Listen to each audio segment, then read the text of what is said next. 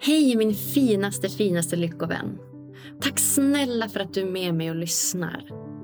Det är verkligen en riktig ära att få förgylla dina öron vecka efter vecka, månad efter månad. Ja, idag kommer en liten påminnelse till eh, både dig själv och mig själv. Rör på dig själv fysiskt minst 30 minuter om dagen. Ja, vi har pratat om det här så himla mycket i podden och jag tror ingen har undgått vikten av just fysisk aktivitet. Fördelarna är så himla många. Bland annat så förbättras din koncentrationsförmåga, ditt minne och din inlärningsförmåga. Och dessutom så minskar risken för hjärt och kärlsjukdomar, diabetes och cancer.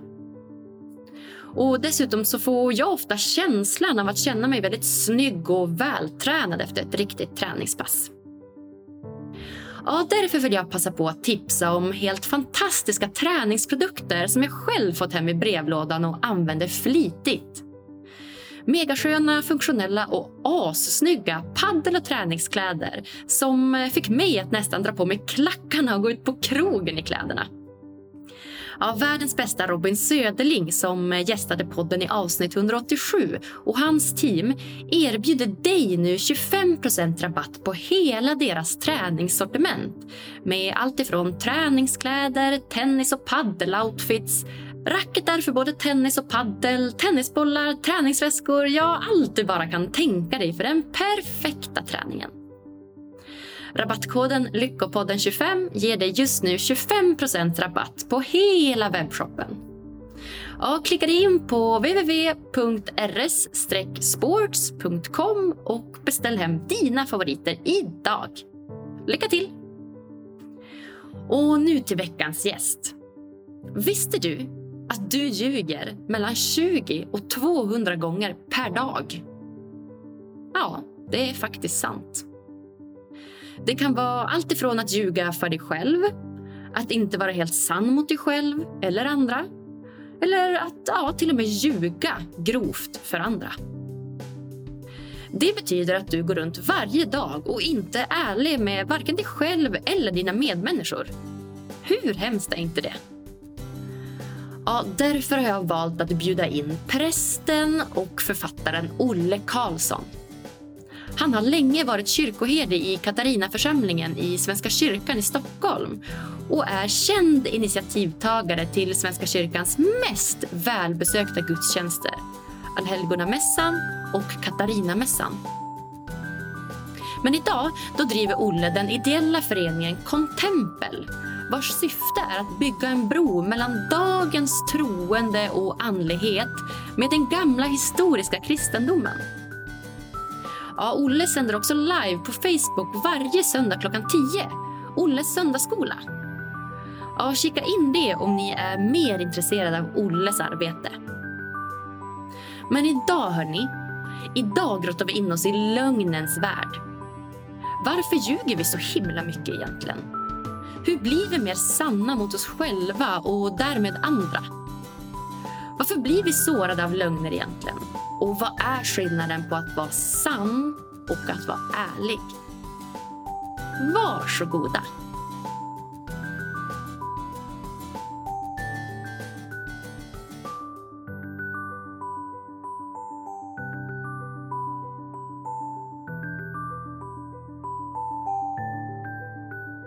Då var det dags för mig att få säga hjärtligt, hjärtligt varmt välkommen till veckans gäst, Olle Karlsson.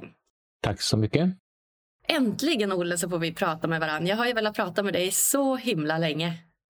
Mm, det var lite krångligt både liksom tekniskt och också att få ihop det tidsmässigt. Det var ju det. Men jag är så glad att du är här nu.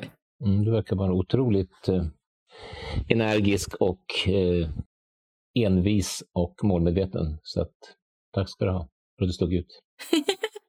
Ja, tack själv Olle. Det, detsamma. Jag tycker du också är väldigt eh, ja, men, öppen för att vilja göra det här och verkligen ha ja, men, ansträngt dig från alla håll och kanter för att eh, det ska bli av. Mm, det är klart.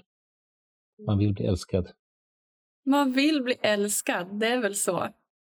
Mm. Vad fint, Olle. Du, tack snälla för att du är här till att börja med. Så kul att du ville gästa.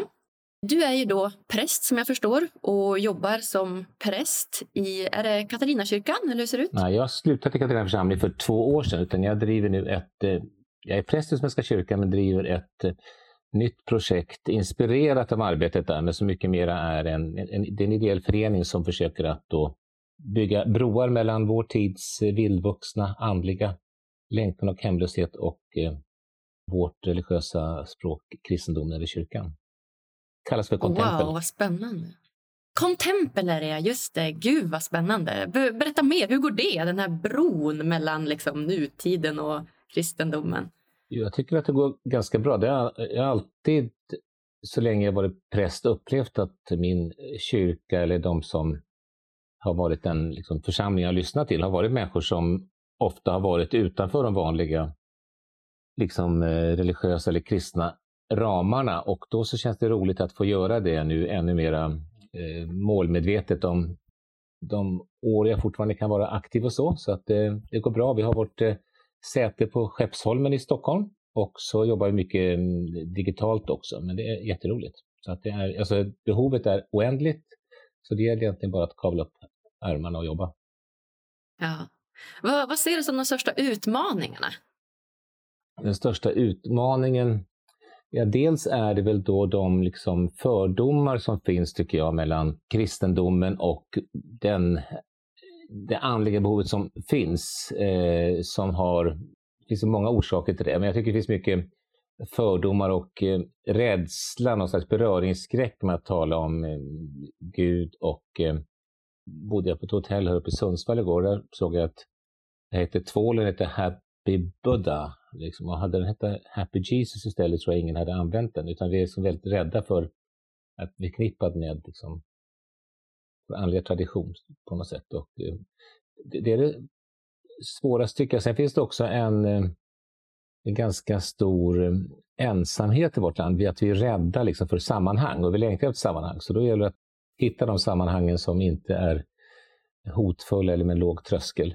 Så att eh, det är fördomar vem Gud är också. Många brukar säga att man, jag är inte religiös, men någonting måste det finnas. Så jag tror definitivt inte på den guden du tror på, brukar folk säga. Och då så brukar jag fråga vilken gud tror att jag tror på? Då säger de, jag tror inte att Gud är en gubbe uppe på ett moln och så vidare. Så att det är också mycket bilder av vem Gud är man får slåss emot. Ja, så det är det ena och det andra. Gud, vad spännande. Ja, men spännande det här du sa med just Happy Buddha. Det känns som att buddhismen har fått ganska stor plats i, i samhället och ses som... Om jag går till mig själv och mina fördomar så, så, så tänker jag ju buddhismen som någonting väldigt liksom, vackert och fint och kan relatera mer till det. Lite det här eh, leva i nuet och eh, meditation och, och liknande. Medans jag kanske inte relaterar så mycket till, till kristendomen. Utan, och då är jag också mer och tänker upp i liksom himlen och det här molnet där den här guden då ska sitta. Så att, eh, jag förstår helt vad du menar. Mm. Ja, men det är så. Dels är det väl så att gräset är alltid grönare på andra sidan, men det finns ju också eh, mycket som... Eh, alltså vi lever ju i en tid idag när inte jag som präst eller som står i kyrkan, jag har liksom ingen auktoritet att tala om för folk vad de ska tro. Folk tror som de vill i alla fall. Och då så är det ju också en öppen tid när även de som, det är det vi håller på med Contempel också, även de som då eh, närmar sig, tycker jag, en, en kristen livsväg, håller ju fortfarande på med sina egna, egna andliga övningar. Det är yoga, mindfulness, eh, olika sätt att vara där också andra andliga traditioner handlar mer om liksom övningar och kristendomen ofta förknippas med att tro på rätt sak eller att, eh, och så vidare. Mm. Så det kan berika varandra. Så vi jobbar precis med det där. Gud vad bra. Det känns ju verkligen som någonting som, mm, som verkligen behövs. Ja. Och... Du är inte rädd för att säga Gud i alla fall? Exakt. Gud vad bra. Ja, det, så jag använder ju ordet väldigt mycket. Det ska jag ändå säga. Som något positivt.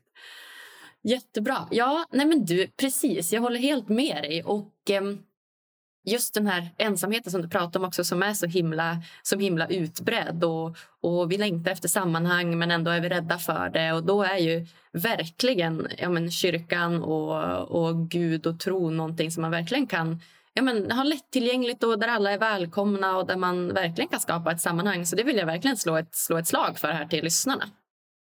Tack. Mm.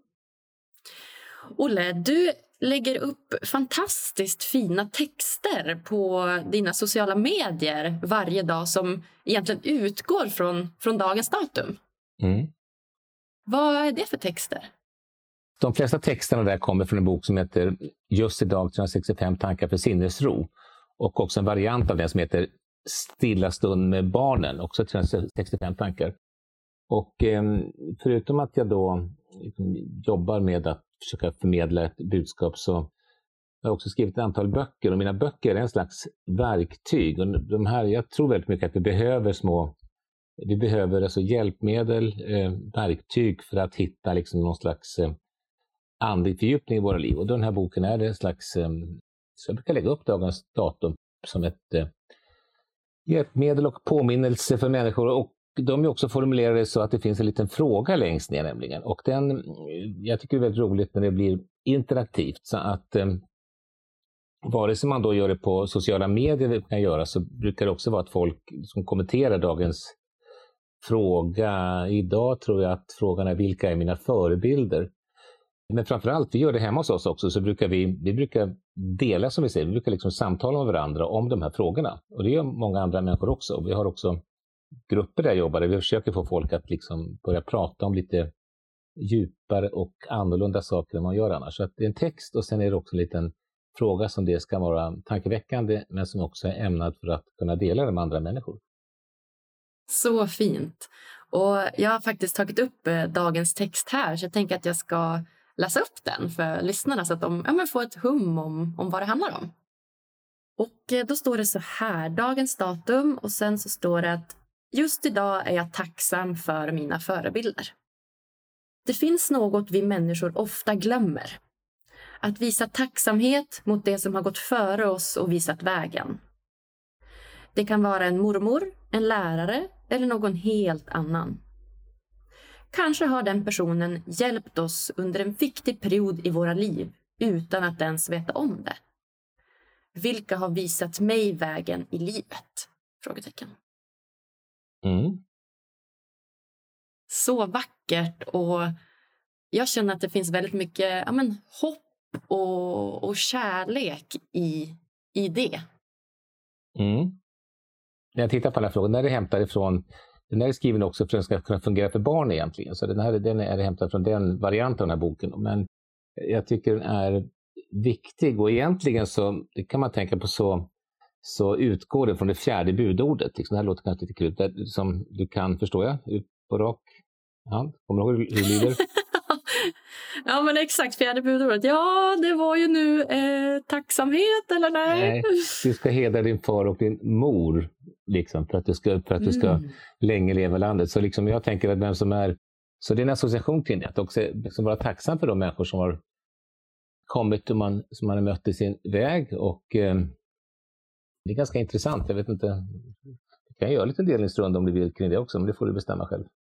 Det kan vi väl göra. Det känns ju jättemysigt. Absolut. Vilka har visat mig vägen i livet? Oh, det...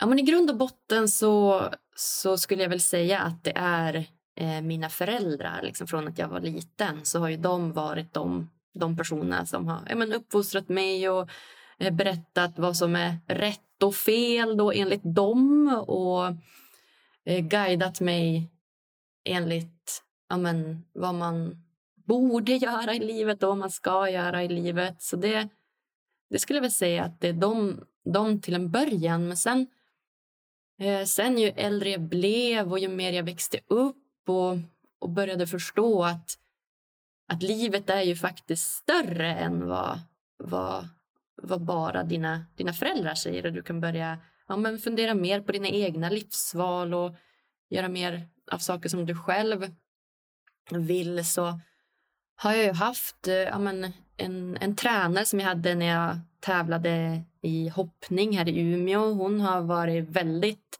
vägvisande i livet. Och, ja, nu, nu på äldre dagar så, så försöker jag att lyssna på min inre röst och på min, kalla det intuition eller kalla det känsla eller kalla det ja, men det, det, det jag tycker känns rätt och försöker lyssna mer på, på det som känns här inne mer än kanske måsten och borden i form av att du borde gå en utbildning och nu borde du jobba med det och du borde tjäna si och så mycket pengar. Du borde ha fem veckors semester och försöker att, att istället för att försöka liksom passa in i den här mallen så försöker jag att lyssna till mig själv och ta med mig det som, det som passar från samhällsmallen och det som inte passar mig, som känns så här, känns skaver lite grann. Så här, men åh, det här vill jag inte. Även fast jag borde så, så försöker jag att bryta det genom att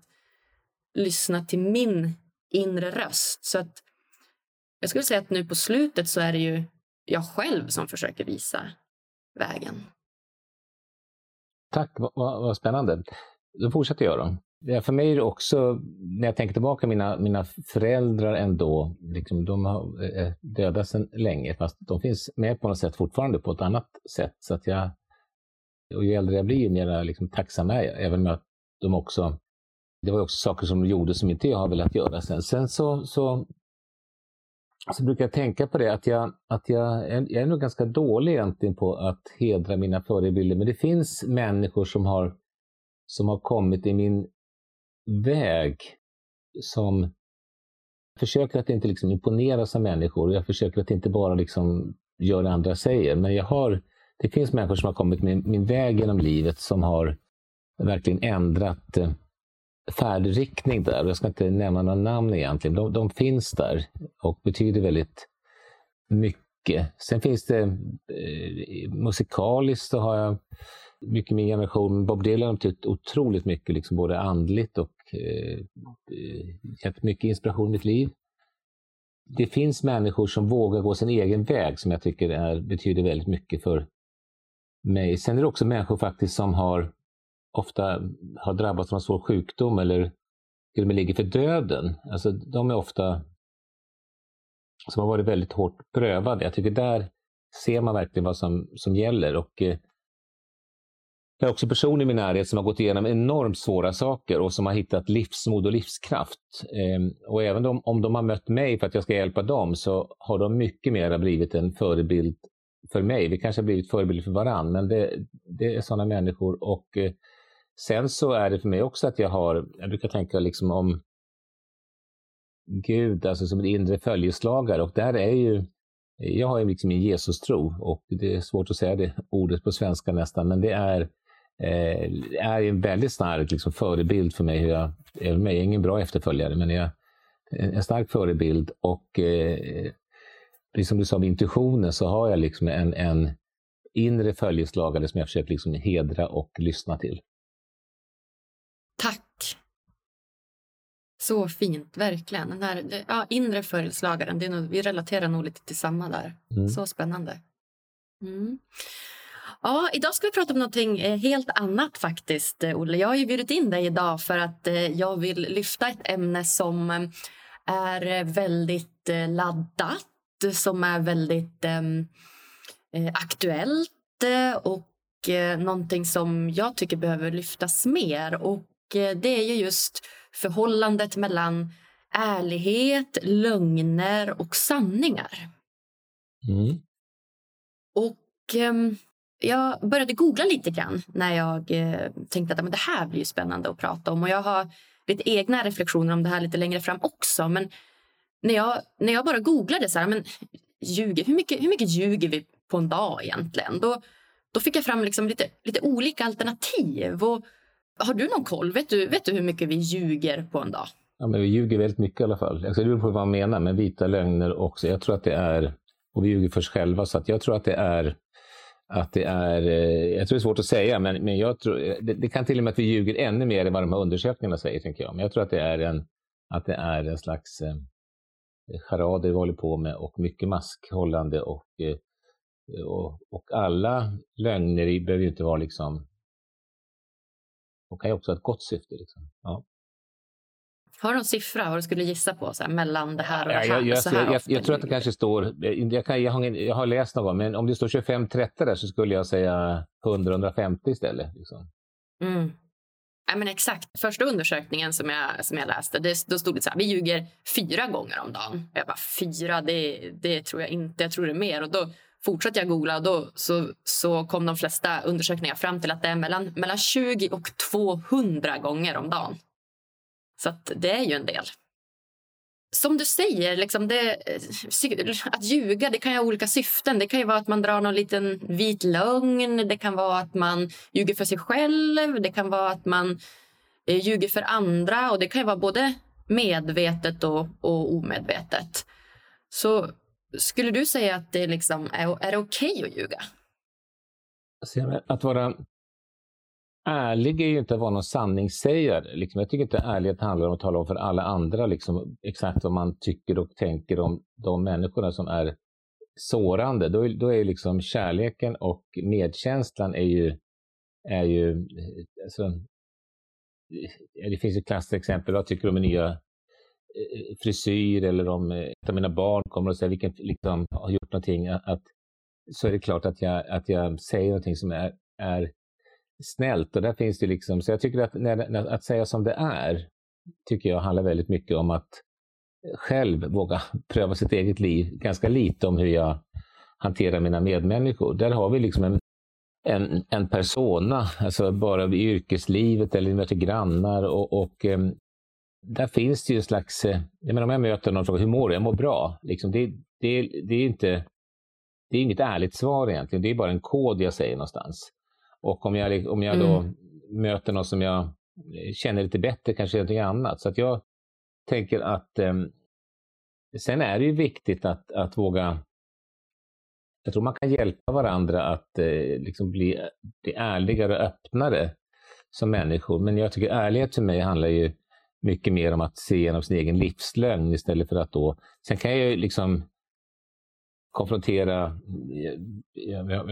En, en 17-årig hemma nu som liksom vet det är grejer som har hänt där som hon inte vågar stå för någonstans. Liksom. Och då är det frågan hur hårt ska jag liksom konfrontera henne om det här? Och det jag kanske själv ljuger för att få fram sanningen, liksom massa saker. Liksom. Så, ja. Men jag tycker framför allt att ärlighet är någonting som gäller en själv. Jag kan prata länge om det, men du kanske ska ställa en fråga istället? Nej, men fortsätt jättegärna, det är jättespännande. Och, och där tänker jag att det, det är inte alltså det, det, är inget, det, är inte, det är inget brottsligt att hålla någonting hemligt. Det är inte brottsligt att, vi måste inte liksom ha Tourettes syndrom och säga liksom allting som det är överallt. Sen tycker jag mer att det handlar om att vi liksom ljuger för oss själva. En av de människor som, apropå förebilder, så är det också min, min terapeut eller min själavård. Jag har gått i tio år.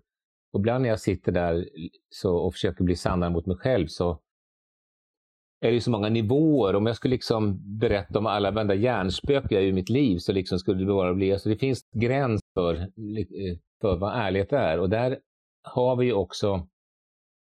Vi har ju väldigt starka försvarsmekanismer där vi också kan eh, ljuga och motivera oss själva att... Eh, där vi också kanske nästan ljuger för oss själva för att orka ta oss vidare. Jag vet inte om du hänger med i tankarna, men, men jag, Eh, jag tror att det är väldigt viktigt att, att börja se sanningen om sig själv. Och den sanningen alltså, kan ju också vara vacker någonstans. Vi kanske inte heller vågar se liksom, en, jag, det handlar, min gudstro handlar väldigt mycket om att kunna se en vackrare sanning om sig själv. Ja, men verkligen, jag är helt med dig. Och om vi går tillbaka till det här exempel som du sa om någon frågar dig så här, hur mår du? Och att det första svaret är ju ganska klassiskt, bra. Och det som så brukar inte alltid vara sant. Eller ibland är det sant och ibland är det ju inte sant. Och jag tänker att där någonstans kan jag ändå tänka att för min egen skull om jag mår väldigt dåligt och träffar någon på stan så för min egen skull, för att skydda mig själv så att säga, så kan det ju ibland vara så att jag säger bra, även fast jag vet att det kanske inte är bra för att jag vill inte öppna mig för den här personen. Jag känner mig inte trygg med den här personen. Jag känner att jag gör ett medvetet val att säga så här, ja men det, det är bra. Istället för att kanske säga så här, vet du, det är inte så bra men jag skulle inte vilja prata om det. Men att man tar lite grann the, the easy way out och sen att man ja, men till vissa då som, som man känner att man står lite närmare att man kanske kan säga att nej, vet du, det är inte bra och så kan man du vet, öppna sig på det sättet. Precis, jag tänker att vi, vi, lögn är ju ofta ett sätt att skydda oss själva. Det är liksom, det, vi är rädda att om någon, liksom, det, det är ett skydd. Och eh, jag kan ju säga att, brukar, brukar säga att det finns som att det är någon slags hemlighet som man inte vill liksom yppa. Och mm. eh, då så eh, tänker jag att man brukar säga att det finns tre olika former av hemligheter. Dels har vi öppna hemligheter. Liksom. Det, är liksom, jag, det kanske jag pratar med dig nu, kan jag yppa vissa saker. Liksom. Att, man då, att man har... Sen om, för att jag ska säga, jag menar, i, i vår i, i vår vardag så har vi liksom, vi har våra jargonger någonstans och eh, det vi säger då, yppa, vi, vi yppar ju bara någonting om oss själva. Utan för att jag ska vara lite ärligare så krävs det att jag har ett förtroende för den människan. Då brukar man säga att vi har valda hemligheter och där har jag liksom en vän eller någon som jag har större förtroende för så kan jag plötsligt också börja säga, nej men jag, jag mår faktiskt, jag, jag mår inte alls bra. Liksom. Jag måste, måste eh, jag är ledsen eller jag har blivit sviken. Men i, i det krävs en slags trygghet. Men sen har vi också hemliga hemligheter. Vi har ju saker som vi, liksom, vi knappt berättar för någon människa där det krävs en enorm trygghet. Och vi har också saker som vi förtränger. Så vi, vi har ju saker som liksom, där vi nästan, att där lögnen blir ett slags förnekande, alltså någonstans. Och som också mm. handlar om försvarsmekanism, men också som då kan vara, där det krävs en enorm trygghet liksom för att kunna prata om det. Jag brukar liksom prata om min alkoholism och så, eller det, den biten när, där vet ju inte, du är ju blind för dig själv någonstans. Och det, är nästan att, och det krävs en enorm, enorm liksom, trygghet eller också ganska starka konfrontationer för att våga se den sanningen om sig själv. Mm. Ja men precis, exakt. Och just det att ljuga för sig själv tror jag är, är himla vanligt. Att man inte vill erkänna olika delar av sig själv som ja, men till exempel om det är alkoholism och varför man dricker? Vilken känsla vill man bedöva? Är det mm, att man inte duger som man är? Är det att man är svartsjuk mycket? Är det att man skäms över något? Och, och, och den biten tänker jag är väl viktig att börja med. Att, vara ärlig mot, mot dig själv för att kunna också vara ärlig mot andra. Ja, och jag tycker det, det är det som är det viktiga, tycker jag. Det är liksom att, att våga jag har jobbat med ett, ett slags ett sätt till självkännedom som heter Livsstegen. Det finns uppe i, i Umeå också, flera grupper. Och då så, ett steg eh, är femte steget som, som heter Jag säger som det är. Och, just eh, och då har jag varit ett sammanhang faktiskt då, när jag, jag, när jag säger som det är så betyder det att, att jag, jag börjar yppa hur jag själv har det egentligen. Det är inte som jag säger så att du liksom du är en skitstövel. Eller liksom, det, är inte, jag, liksom, jag, jag, det är inte att konfrontera en annan människa. Det kan man behöva göra också någon gång. Men för mig så handlar, handlar det framför allt om att bli sann, sann mot sig själv. Sen finns det ju också situationer där man som vän eller medmänniska också liksom behö, behöver eh, också hjälpa en människa att eh, komma vidare i livet det kan ju också vara viktigt om jag själv har blivit sårad någonstans, att jag också berättar hur det känns för mig. Så det finns bitar, men jag, det finns ju någon, jag tycker att vara ärlig är inte samma sak som att vara sanningssägare. Jag tycker att det räcker långt att bli lite ärligare. Liksom. Det är en övning att våga ta lite risker. Och att det är inget brott att, att inte säga som det är. Men däremot så om jag inte säger som det är så har jag ingen chans, då ljuger jag för mig själv. Då har jag, ingen, då har jag, ingen, jag, har ingen, jag har ju liksom ingen riktig möjlighet att komma i kontakt med mitt autentiska jag. Nej, bra, bra. Och där kommer vi in på något som jag också tycker är superspännande. Det här, och det är ganska nytt för mig. Att, att det, det kan vara skillnad på att vara ärlig och att vara sann. Och det kan vara liksom två olika begrepp. Skulle du vilja förklara liksom för lyssnarna, vad är skillnaden på att vara ärlig och sann? Jag, jag, jag, inte, vad ska jag, jag har inte tänkt på det precis så, men jag tycker att, att det är... Jag kan ju vara... Jag möter ofta människor som då eh, i, i svåra livssituationer, jag har precis nu en människa som ligger väldigt, väldigt sjuk på ett ställe någonstans och eh, jag befinner mig långt därifrån och det kanske finns önskan att jag skulle egentligen bara lämna allt jag har och åka, åka de här 7-8 milen och besöka den människan. Och då känner jag, det kan jag inte göra. Att jag, därför då skulle jag lämna och jag skulle jag skulle inte orka det som människa. Jag måste också vara sann mot mig själv. Och när jag ska förklara det här sen så, så kanske jag måste hantera det på ett sätt att eh, jag kanske inte säger nej, jag orkar inte åka dit. Jag kan, inte, jag kan, jag kan inte säga så. Liksom, för det skulle liksom, jag, jag, måste på något sätt ändå säga det på ett, ett annat sätt. Och att vara jag tycker att, att vara sanningssägare kan ju ofta vara ganska aggressivt. Jag tycker inte det har någonting med att vara sann egentligen. Jag tycker det är ett ganska omoget sätt liksom, att tala om för alla andra hur de är. Att vara sann är ju också att det finns ett ord man säger, lev och låt leva. Liksom, jag lever mitt liv och sen så får andra eh, eh de, de får leva som de liv. De får ta hand om, de får ta hand om sin livslögn någonstans. Det är inte min uppgift att gå omkring som Jesus Kristus för dem. Liksom. Mm. Ja, men verkligen, verkligen. Du har helt rätt. Och jag har någonstans i mitt huvud landat i att, så här, att, vara, att vara ärlig för mig det är att, det är att inte ljuga. Det, är, det är att inte... Ja, men, att, att, att, tala sanning på något sätt. Att vara ärlig. Jag, jag, relaterar mycket till andra medmänniskor. Att jag inte säger till dig att så här, eh, jag vill jättegärna att du ska vara med i podden och sen så vill jag egentligen inte det. Att, att liksom eh, ljuga på ett sätt för att, för att skydda sig själv på något sätt. Eh, och Det har mycket med, med ja, hur man relaterar till andra att göra. Men att vara sann för mig, det är, att, det är för mig att prata utifrån hjärtat och det som du upplever, det, det autentiska duet. Att inte undanhålla sanningar. Att, det betyder inte att man behöver kasta eh, om jag tycker att du har en ful tröja på dig, att så här, vara helt sann och bara berätta så här, Gud vilken ful tröja du har så att jag skadar andra. Utan mer mer mot mig själv. Att vara sann mot mig själv. Att så men nu behöver jag det här. Eller jag blir... Eh, prata, kunna uttrycka sina känslor och, så här, jag, och sårbarhet. Att jag upplever att jag blir väldigt ledsen när du säger så där. Eller att, ja, men att, eh, att det någonstans ska kännas rätt. Att liksom vara, vara sann mot, mot sig själv då för att också kunna vara sann mot andra. Absolut, jag håller med. Och att vara sann, det, det handlar dels i början när man att börja, då handlar det kanske också om att titta på saker som är liksom mörkare, eller sånt man känner skuldkänslor för eller skamkänslor för. Det finns, det finns ju någonting man kanske behöver, att våga se saker som jag inte orkar se hos mig själv. Men framförallt så, mm. det, handlar, det handlar min gustro väldigt mycket om, det är också att våga se liksom att, att jag att jag är en, att, att jag är en fantastisk människa, att jag, liksom, att jag att ser mitt värde och att, att, att våga säga, alltså att jag, jag tänker det finns, det finns också en, i den, att bli sann mot sig själv, så är det också, det är mycket det jag försöker med de här dagliga övningarna, det handlar också väldigt mycket om att liksom våga, våga se det här ljuset som vi stänger inom oss, och att det finns där. Och det, mm är, är målet tycker jag. Men så det gäller en balans att både se det som är det, det som är det tunga och mörka men också det som är det ljusa och vackra, det ljusa och vackra sanningen om sig själv.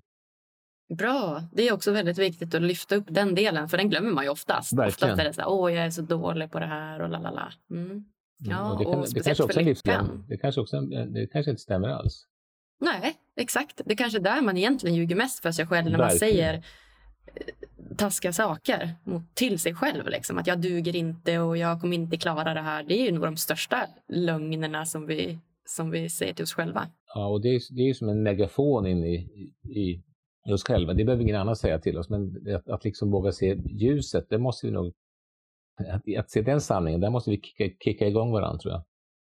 Det tror jag. Verkligen. Verkligen är att undanhålla sanningen för andra, är det att ljuga?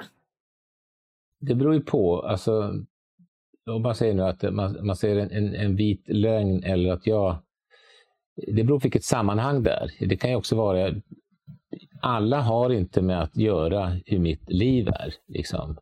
Eh, mm. jag, jag, kan också gå igenom besvikelse. Jag kan ha liksom, sant eller falskt uppleva vissa saker, vissa människor. Det kan hända att jag inte behöver eh, yppa det i varje möte. Ibland tänker jag liksom att jag tänker på amerikanska presidentkandidater som ler som teflon. Liksom när man, när man, alltså det finns vissa situationer när vi också, tror jag, liksom också inte ska gå in i att tro liksom att bli arg och skälla ut någon. Jag har ett ganska häftigt humör i och för sig, så jag kan säga som det är. Men, men, men att, eh, är att um, ibland kan det också vara, spelar du schack? Ja, ibland. Ja, men liksom att man har jag ska säga, det är en engelsk bra schackspelare, men däremot vet jag att man kan, liksom inte, man kan inte ta varenda bonde, man kan inte, gå, man kan inte liksom plocka varenda bonde. Ibland måste man också tänka sig för hur man gör saker. Och jag tänker att, att eh, det är inte så att du måste säga precis som det är till allt och alla människor, utan eh, sen finns det andra saker när människor behöver liksom konfronteras. Så det kan ju vara jag kan se mot, mot mina barn ibland så kan jag vara medberoende, att jag inte vågar säga saker som jag upplever att de behöver höra för att också ta ansvar för sitt liv. Så att eh, mm. det är mer det jag tänker på, att inte liksom säga sanningen i... Ja, människor kan ju vara på... Ibland är det min uppgift att våga bara våga se sanningen. När man talar om medberoende, sådana saker som också gör att jag inte, att jag inte vågar säga som det är. Men det är... Ja. Men vi är också väldigt rädda för att säga, säga vackra saker. Det är liksom om du kan tänka om, om, om, om när man blir kär i någon så är det otroligt svårt att våga säga vad man, vad man känner och tänker och så. Det kan ju vara enorma eh, charader där. Ja, verkligen. Verkligen. Vad spännande. Ja, det här med medberoende det har vi ju spelat in ett avsnitt om eh, ja, för ett tag sedan. Och det är ju ett helt, helt avsnitt för sig. Det. Jag har också lätt för att bli medberoende till, till dem jag älskar och dem jag verkligen bryr mig om. Så det är ju en, en fin balans tycker jag där med att eh, ja, men vara sann och uppriktig. Mm. Mm. Ja, spännande. Tror du att vi blir lyckligare av att vara mer sanna? Ja, det tror jag. Alltså att, att vara sann, att, att, alltså, man säger ärligare, jag tycker sann är bättre. Jag tror absolut att vi blir, det tror jag verkligen att, att vi blir. Att det är, sen är det ju så att, att, eh, att om du om du går igenom en djup, djup, djup livskris, liksom, och, och så har vi också försvar. Vi behöver liksom saker som små livslögner för att orka. Man säger fake it until you make it, att vi kan behöva saker. Men, mm. men, jag, men, men, jag tror i långa loppet så, så finns det liksom ingen annan väg till att, att bli en en mogen och en riktig människa, som min mamma skulle ha sagt. Det finns ett, vi talade om den inre följeslagaren förut. Jag brukar citera en grupp av ur den amerikanska urbefolkningen som heter Naskapi-folket. Och de talar just om att, att, att, komma i kontakt med sin inre följeslagare. De säger att det som driver vår inre följeslagare på flykt, det är lögn och oärlighet. Och vi närmar oss mm. vår inre följeslagare genom att säga som det är, genom, genom sanning. Mm. Det finns några, genom att säga som det är, genom att närma sig andra människor, genom att närma sig naturen och djuren och genom att lyssna till sina drömmar. Och det var ihop med att, så jag tror att det är ett sätt att, att eh, om vi ljuger för oss själva, det hörs ju på ordet, om vi ljuger för oss själva så kan jag inte liksom leva i riktig kontakt med mig själv heller. Nej, exakt, exakt. Så himla viktigt. Jag håller, jag håller helt med dig. Jag tror att det är A och O. Och man känner att man är på lite fel bana i livet och känner att man säger ah, gud det skaver och att man lever i någon ja, värld som man inte riktigt är nöjd med och kanske ljuger för sig själv att det är bra eller att det borde vara bra eh, så tror jag att, eh, ja, men att faktiskt stanna upp och lyssna på den där inre rösten. Vad, vad, säger den? Det tror jag är ett sätt att bli mer sann mot sig själv och på så sätt också bli lyckligare. Absolut. Mm. Mm, vad fint. Ja, nej, alltså, om jag relaterar till mig själv här. så det här, Jag har tänkt jättemycket på det här på slutet. Och jag känner ju själv att jag har blivit väldigt utsatt på slutet av folk som just undanhåller sanningen för mig. Och jag tror att anledningen till att de gör det är för att de egentligen vill skydda mig. De vill inte skada mig. Men det blir ju nästan en tvärtom effekt. Att så här, för då får jag reda på det här liksom lite senare. Att folk inte liksom, de har inte ljugit för mig men de har heller inte varit helt sanna och mm. ärliga mot mig. Utan det har varit någonstans i gränslandet där. Och det här tär så otroligt mycket på mig. Alltså det, jag känner mig sviken, sårad och jag känner liksom att jag blir ifråntagen rätten att själv hantera de här situationerna. Förstår du vad jag menar? Mm, absolut. Och det där är ju, det kan ju vara antingen om det är, det, det är ju ganska otäckt och det gör vi ofta i, alltså om det är någonting som är svårt. Man brukar ju tala om direkta och indirekta känslor. Liksom jag tycker om en människa, då säger jag till mig, åh vad fin du är, jag eh, verkligen uppskattar det, så roligt att se dig. Men om jag tycker att, om jag är, inte tycker om en människa så är det mycket lättare att säga det till en annan människa. Och när man gör mm. det, så kan man, om man börjar med att liksom prata om en människa, eh, vare sig det är då någonting som är reellt eller var den är någonstans, så, så kan man sätta igång en snöboll som är ganska farlig egentligen. Dels så är det ju att, att du... Eh, eh jag tror att det finns en väldigt, liksom, det finns en väldigt klok, om jag, om jag känner själv att det är någonting som stör mig hos en människa, liksom det bästa jag kan göra det, det är liksom att prata med den människan själv, enskilt, alltså inte heller ta med andra för då mm. skambelägger jag människan, men att det bästa vi kan göra för att då rädda relationer, för att växa som människa och att också ge en människa chans att på något sätt kanske ändra sig eller att hitta så, så är, är det att våga ta de jobbiga samtalen enskilt med den människan. Och börjar folk prata runt mm. omkring det där så, så mm, det behöver inte alltid vara farligt, men det kan ju också bli det kan nästan bli en, en mobbning eller också ett förtal av en människa.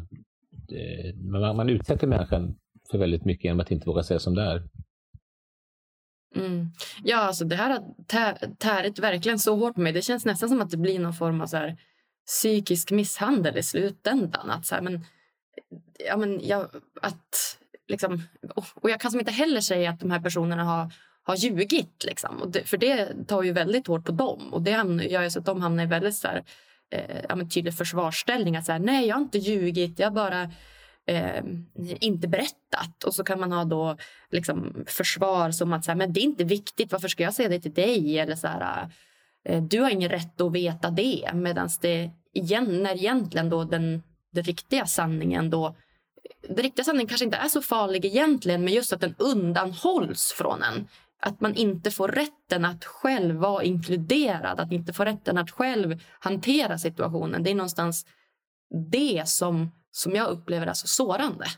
Absolut, och då, då, då kan det ju inte bli ett öppet möte med de människorna, utan det blir, det, det blir en slags falskhet som är...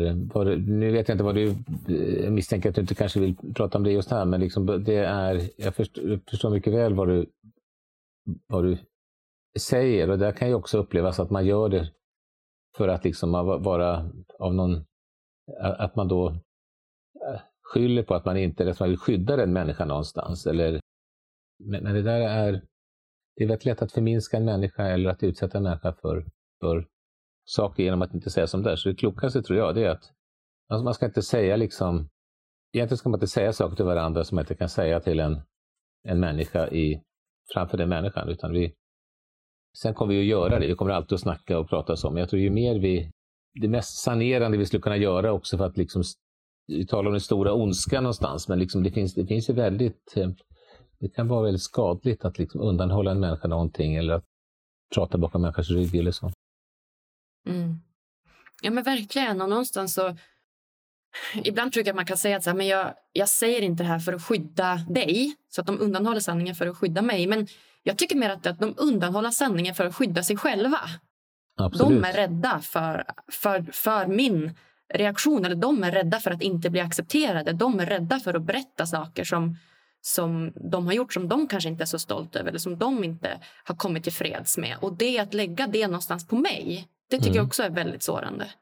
Det är en väldigt int intressant tanke, för det är väl så egentligen att, att, att, eh, att eh, de, de vågar inte liksom stå för den reaktion som skulle få om de, om de skulle säga det rakt ut. Rädd för den reaktionen som, som kan komma någonstans. Att, eh, om ja. är besvikelse, il, ilska eller att bli avvisad. Jag vet inte. Mm.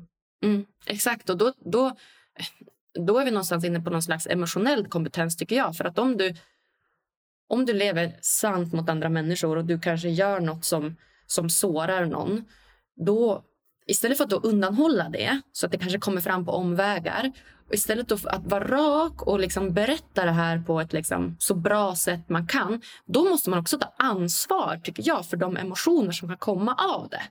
Alltså, då måste man ändå vara beredd på att, på, att, på att ansvara för det och då är det på, på en själv. Och då är vi som sagt inne på det så emotionell kompetens, tycker jag. Mm.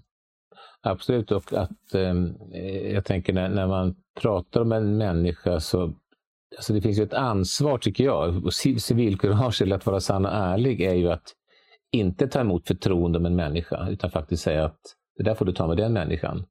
Det är rätt lätt att man mm. hakar på. Så att det, om jag skulle säga någon, något jag försöker göra, jag, jag, ibland så måste man ju måste man kunna prata om saker, svåra saker som man inte kan ta upp någonstans. Men jag försöker alltid hantera liksom att, att inte, så långt det är möjligt, att inte delta i samtal när man liksom håller på att analysera eller göttar sig i en annan människas beteende någonstans. Utan att eh, där kan jag själv ha, ha, en möjlighet att stoppa det när det går för långt. Att inte delta liksom mm. i, den, i den mobben kanske man kan säga. Mm. Verkligen Olle. Ja, gud vad, vad lärorikt det här var. Jag tänker att vi ska börja avrunda samtalet lite här, du och jag. Och eh, då har jag egentligen amen, några så slutgiltiga frågor som jag brukar fråga mina, mina gäster som, som jag själv tycker är väldigt spännande. Och eh, Det första är då, vad gör dig riktigt lycklig? vad som, vad som gör mig lycklig. Jag tänker på morgonen nu, liksom, jag har varit och rest och så var lite trött. Och sen, eh, så, eh, jag mådde ju bra liksom, att inte bara sitta kvar, utan jag har liksom börjat med lite praktiska saker på morgonen. Men jag tror så här att någon har sagt att man blir inte lycklig av att inte ha problem. Man blir lycklig av att lösa problem. Och mm. det, det, tror jag faktiskt är väldigt eh, sant. Alltså du, du, blir, så det, du blir inte lycklig av att liksom bara ligga liksom på en solig strand i Thailand resten av livet. Liksom. Det, det, är inte så, utan det är, du blir lycklig av att, att ha problem som du löser. Jag blir lycklig av, av, min, av mina nära och kära, min, min eh, familj, Eh, den jag älskar, mina barn. Eh, jag blir lycklig av en uppgift. Alltså för mig är det väldigt viktigt att, alltså det är viktigare för mig att ha en, att, att, att, att ha en mening med sitt liv än att vara lycklig. Mm, mm, just det, att ha den här eh, kanske meningen som säger den här liksom, större meningen med livet än att gå runt och bara sväva på någon slags lyckorus resten av livet. Att ha kunnat få hjälp någon är ju också en väldigt en känsla av, jag skulle säga det, det, det, det känns, en känsla av alltså, satisfying eller tillfredsställande någonstans. Det, det, är, sen hur länge är man lycklig egentligen? Liksom det, det är, alltså hur, hur, hur, jag vet inte hur många människor går runt och är lyckliga hela dagen. Ja, men det kanske du är. Nej. Nej, verkligen inte. Och det är väl det som jag tror också är en fördom när jag driver Lyckopodden, att jag går runt och är lycklig hela tiden. Men jag är ju lika liksom, lycklig och olycklig som alla andra. Jag har mina lyckorus och jag känner mig väldigt eh, eh, tillfredsställd och, och liksom, ja, men nästan överväldigad med väldigt mycket endorfiner i kroppen. Och, men jag tycker det är lika viktigt med den här meningsfullheten och den här ja, men, generella nöjdheten eh, med livet. Och, och, ibland att, ja, men att vara, jag tror att vara autentisk med dina egna känslor. Att få vara ledsen när du är ledsen och att vara glad när du är glad. Det för mig är lycka. Och att liksom, det är inte samma sak att, att, att njuta och vara lycklig, inte samma sak. Eh, jag brukar säga att jag, jag, jag, jag upplever mig som en lycklig människa, men jag, jag är lyckligt lottad, men jag är inte alltid glad. Men att jag kan, jag kan jag ska inte liksom bara säga att men det, det är faktiskt ett förhållningssätt som jag själv också kan liksom, eh, jag kan på något sätt, på något sätt ändå för mig är lyck, lyck, lycka är också att vara tacksam. Jag alltid, eh, när, jag, när jag är tacksam så är jag alltid lyckligare. Och då är det tyvärr mm. så att ju mm. mer jag har, så ju mindre tacksam jag blir. Ofta börjar jag förlora någonting för att, mm. då, för att då se vad jag är tacksam för eller vad som gör mig verkligen lycklig. Mm. Ja, verkligen. Vilket är ditt bästa lyckotips? Det är, gör något för en annan människa. Liksom, gör någonting som inte bara handlar om din egen personliga lycka, utan gör någonting som är med att läka över hela den här världen. Gå ut i naturen, lek med dina barn om du har några, lek med, lek med andra. Nej, men jag, jag skulle säga det, det är att då är att eh, engagera något som är större än dig själv. Mm.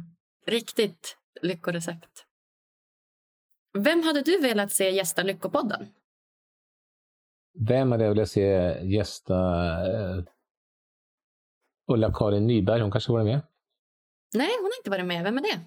Hon är en fantastisk apropå, eh, psykiatriker och överläkare som man pratade i somras och jobbar mycket med eh, suicidprevention. Hon är en otroligt eh, fantastisk människa tycker jag.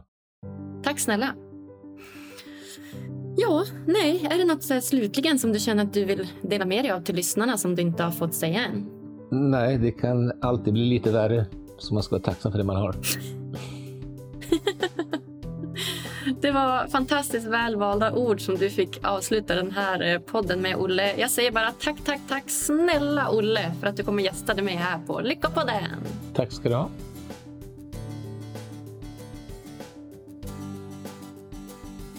Åh, vilken fantastiskt trygg punkt att luta sig mot.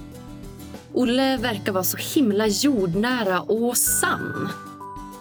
Ja, det känns som att han verkligen har funderat mycket på de här frågorna och, och jag märker vilket otroligt förtroende jag får för Olle när jag upplever att han är så pass sann. Ja, det är så himla fint och något som, som jag verkligen vill sträva mot i livet. Att, att vara mer sann mot mig själv och därmed andra. Uppskattar du också det här avsnittet? Ja, då hade jag blivit så glad om du ville gå in på Podcaster-appen i din iPhone eller Android-telefon och ge mig så många stjärnor som du tycker att det här avsnittet förtjänar. Lämna jättegärna en liten kommentar också om du vill det.